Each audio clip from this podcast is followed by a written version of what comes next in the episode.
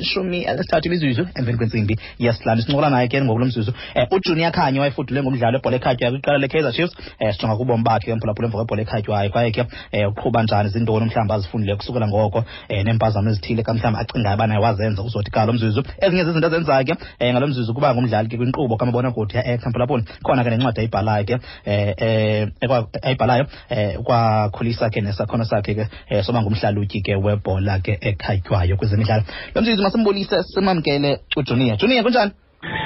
Eh brother from another mother kunjani na? Eh kuyaphileka Junia man ndonwabile man. Kulapha icala nawe uburayithi ubulise nabaphulaphuli bomhlobo wenene Eh ngoba mina ngumsiyoni manje ngizothi khosi abelilina. ayethe siyoni ayethe siyoni. Eh futhi eh ndiqela ke sikuqaphele kulo thina ibe yi-Kaizer Chiefs. Wa- wawudibene njani nebhola ke siqale ezantsi le uzodibana njani nebhola uzofikelela uzofikelela kwi-Kaizer Chiefs Ya man eh uJunior Khanyi udlala ibhola esikolweni. Eh at early age uJunior Khanyi beseka pre kusho ukuthi there was a tournament at Dayton 2000 if I'm not mistaken. So 2000 if I'm not mistaken eh there was a guy bambiza ngoBennett Mehlo makhulu. Mm. wangibona lapha lo hambisa ujabu mahlango from lipule okay. Eh wahambisa uphole ndlani Clement Mazibu uthabisa Sikapi Malathi yabo Joma Pen yeah the guy who's a Kaizer Chiefs scout. Is the one who took me in wangisa ku Kaizer Chiefs 2000 I was young man. At the age of uh, I think I was 13 years if I'm not mistaken 13 14 eh in fact about 15 joining 15 ithi ngibe kanjalo ngoba ngisakhumbuli kahle.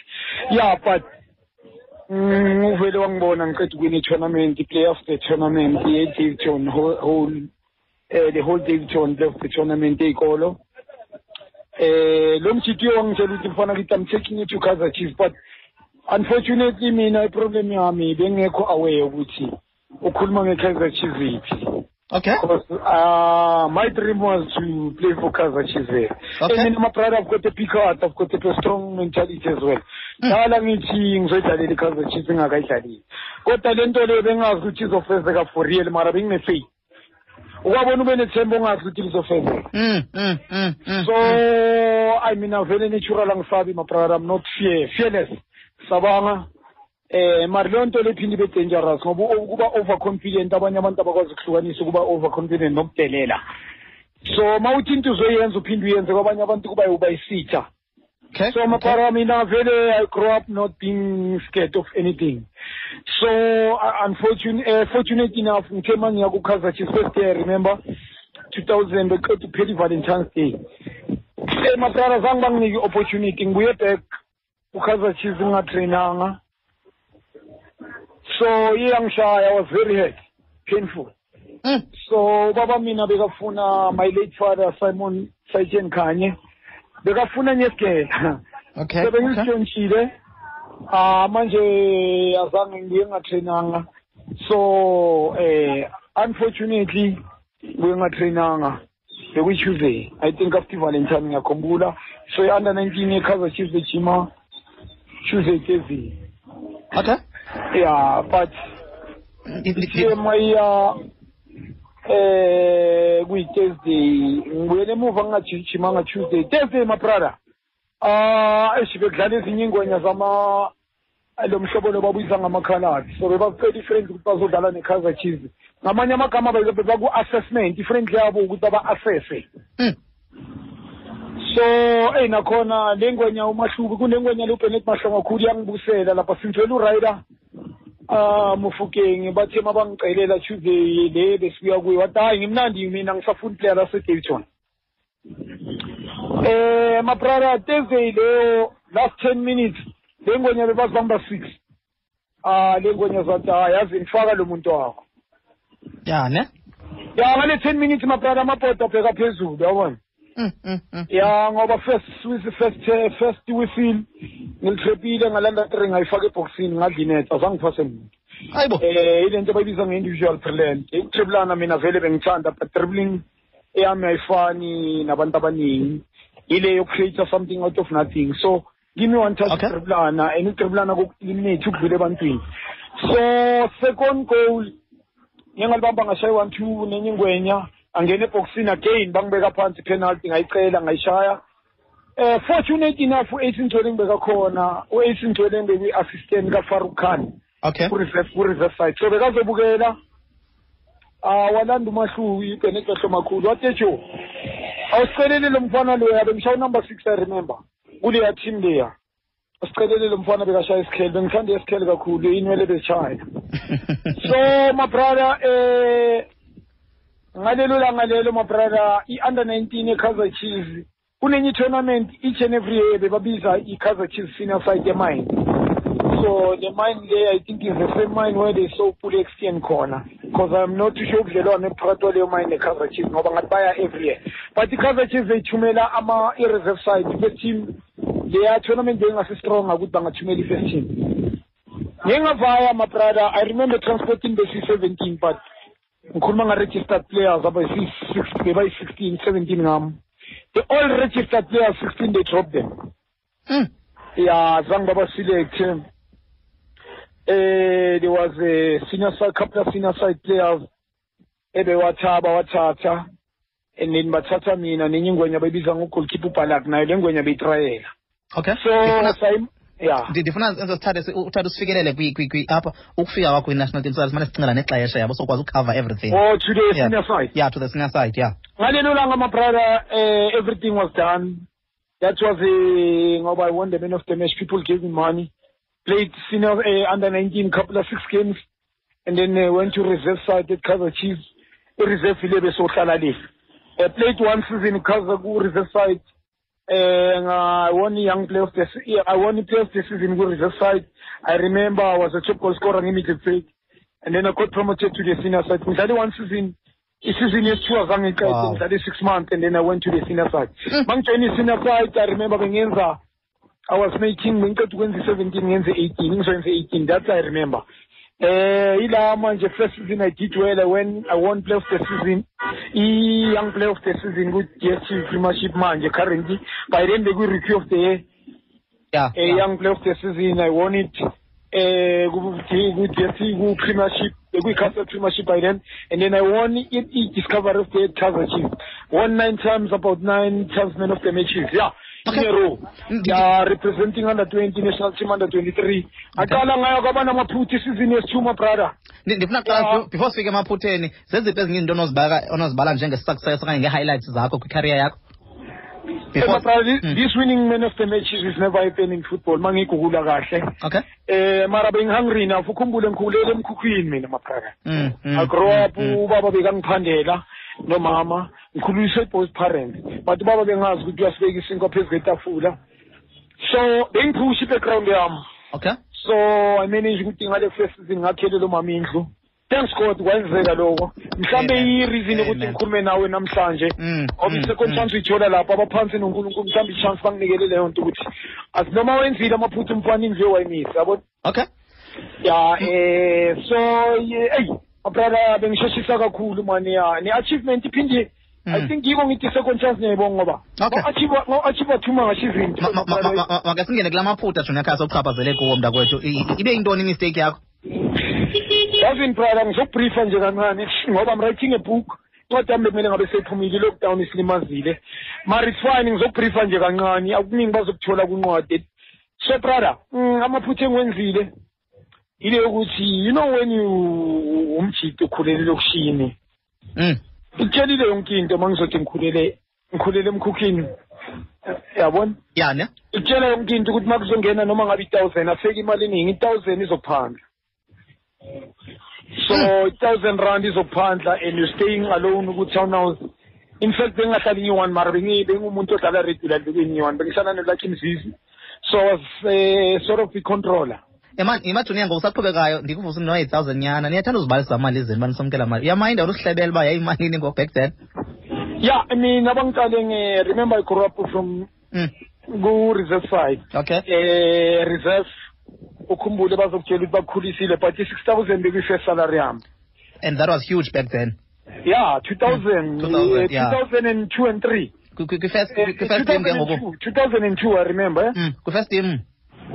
Yeah ku-first team bangiqale nga-six thousand and then if I pay regularly, the contract was to be negotiated. So a second first season beku-six thousand i-signing on fee kuyi-twelve thousand.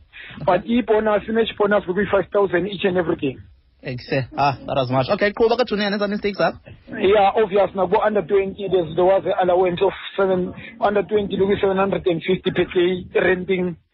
And uh, igame leni ukuba ne-allowance yayo nayo. And uh, manicampe boma three weeks. Mo i-counter i-750 times three three weeks and then nemali ebonus Um, eh, incwaba by then. Sesiyaqala ijunior khanye ukhumbule abosisi akabazi by then. So abosisi bafuna lobuso loba lo mfana eblonde wasedavitron Mm. eh umfana phela mawukora amabrada abantu bazokulandela. Ah mina am surprise abantu mabathi Mm, mm. angeke udlale ordinary abantu bakujabulele. Sorry umhlolo loyo angeke yenzeke. Yeah yeah if you if you if you make you, you make huge uzwa ngabantu noma endleleni so my brother people bebafuna mina mina bengafuna abantu. Eh I was in demand Okay. brother but in demand yami bekungasukhuluma kakhulu yabona bekukushaya isipani so mari beyibangama-death threats yonto leyo ngoba by then bese ngiqala ngimosha kakhulu. Abosisi bengeke ngibale bonke my brother hayi bengeke hayi bonke. Mm, angeke ngibale bonke. Noma noma ungathi udiscipline kangakanani you cannot deny them all of them. So be- bekuyiba inkinga kakhulu yabona? Okay. Ya so inkinga beyinkulu kakhulu ile yokuthi imali amantombazana. The fame bra ifame hayi fame eh khumbule kukhulunywa ngawo. Sometimes uma ungakabhayi imoto first season useteksini bakhuluma ngojunior khanya bakuboni hey hey eh sometimes hey. yosisi muhle lo khuluma ngawo soyamtracer okay. Omunye ukushela wena. Hayi nangeke ubale bonke Hey, njengoba hey, most of the hey. time bazoshela wena. Ibhethe Kaizer Chiefs phela mabathi junior kanye we Kaizer Chiefs. We understand le brand that we talking about what are we talking about? Khuluma ngenqwaba ya. Mm, mm. imana lelo sikhuluma ngalo. Akufani nokuhlala elo akufani ukusebenza emayini angibadeleli abantu abasebenza emayini but it's mm. not the same. Like it or not i'm sorry. Unfortunately it's not the same. Angiceleli labo bantwana bakaChrist ya. Yakuba. Junior now that ndifuna simane sileqa nexesha enzela basikwazi ukukhava everything. Junior ndifuna ngoku abadlali abakhoyo ngoba basekhona is- ezinye mistakes yintoni onobacebisa yona right now kwabadlali bakhoyo? And kubona ke they're earning so much ngoku ezinye imali zabo ziyayidablisha enye imali. Like ngoku i-stand of football in terms of nemali ethe chatha noko. Madoda singablamini labafana babantu. Only not only footballers. I'm sorry unfortunately singablame labantwana abantu wonke umuntu iphuthu uyalenza. Sikhulume nawo wonke umuntu. Mina ngithanda bangikhuluma ngikhulume nawo wonke human being not only footballers never. Because abanye babushaya bangasama-footballers inkinga ukuthi they're not known and uh, they are making mistake nabo bayahamba emhlabeni ngama-mistake abawenzile Asikhu- asikhuzeni wonke umuntu ukwazi ukuthi don't protect amagama wonke umuntu. Yabona? Engizokusho ngizocala ngama-footballers. Talent only is not enough my brother. It's very important kule game. It's no longer about talent now especially njengoba badlala. It's about who you know. So kusimple ukuthi uphume because most of the people manje banama-opportunity. Uh, there's mdc now. Uh, there's apc musipe league. South africa champions. So many development maningi ama-opportunity and everybody is an agent now. But ukuphuma kusimple because of there are many opportunities. Bangathola noma ubani ofana nawe. Okay. So i-talent only is not enough. It's very important ukuthi abachita bathathe impilo zabo. And uh, i-football now it pays a lot of money. So i don't believe ukuthi it's a short career mina. Because khona into engizenzayo manje ngegama lami manje. Okay. Hayi junior kanye This- so Mm. the more you are playing bra the more you live ilegacy it's very important each and every game uyithathe as a cup final. Okay. So that kusasa ma ungasayenzi nix Alright. bakulande bakunike babone i- i- bazi ukuthi masidonsa ujunior eh first ujunior was clean when he was playing at a good career. Okay.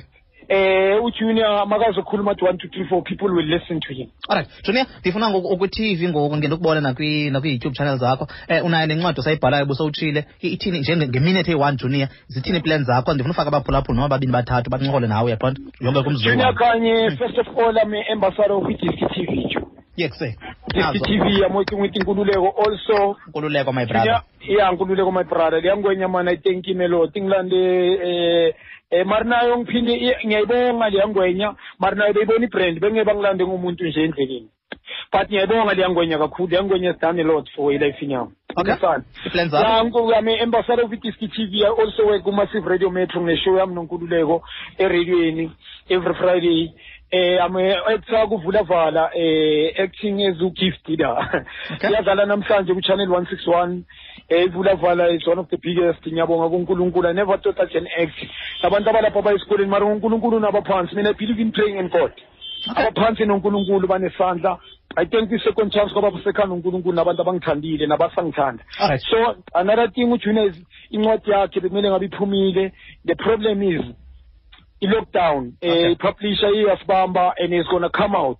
Also junior kanye has got the foundation junior kanye foundation. Alright eh iyaba ne-break kancane because beke business yami ya this year but next year january Iyaphola. uh, junior kanye is looking to do i-tournament eyikolo ngoba kula ngibuya khona and i-junior kanye foundation also to give back Right. the community Mm. so i'm looking to do a lot of things. Ujunior kanye versatile not only in kusile ebholweni there's many things that i will do bra okay. Yeah. Masaka abaphulaphuli dlamini ekapa nangujunior khanya Angithi- nokumphulaphula uncola nawe junior khanya phela yinini thetha naye?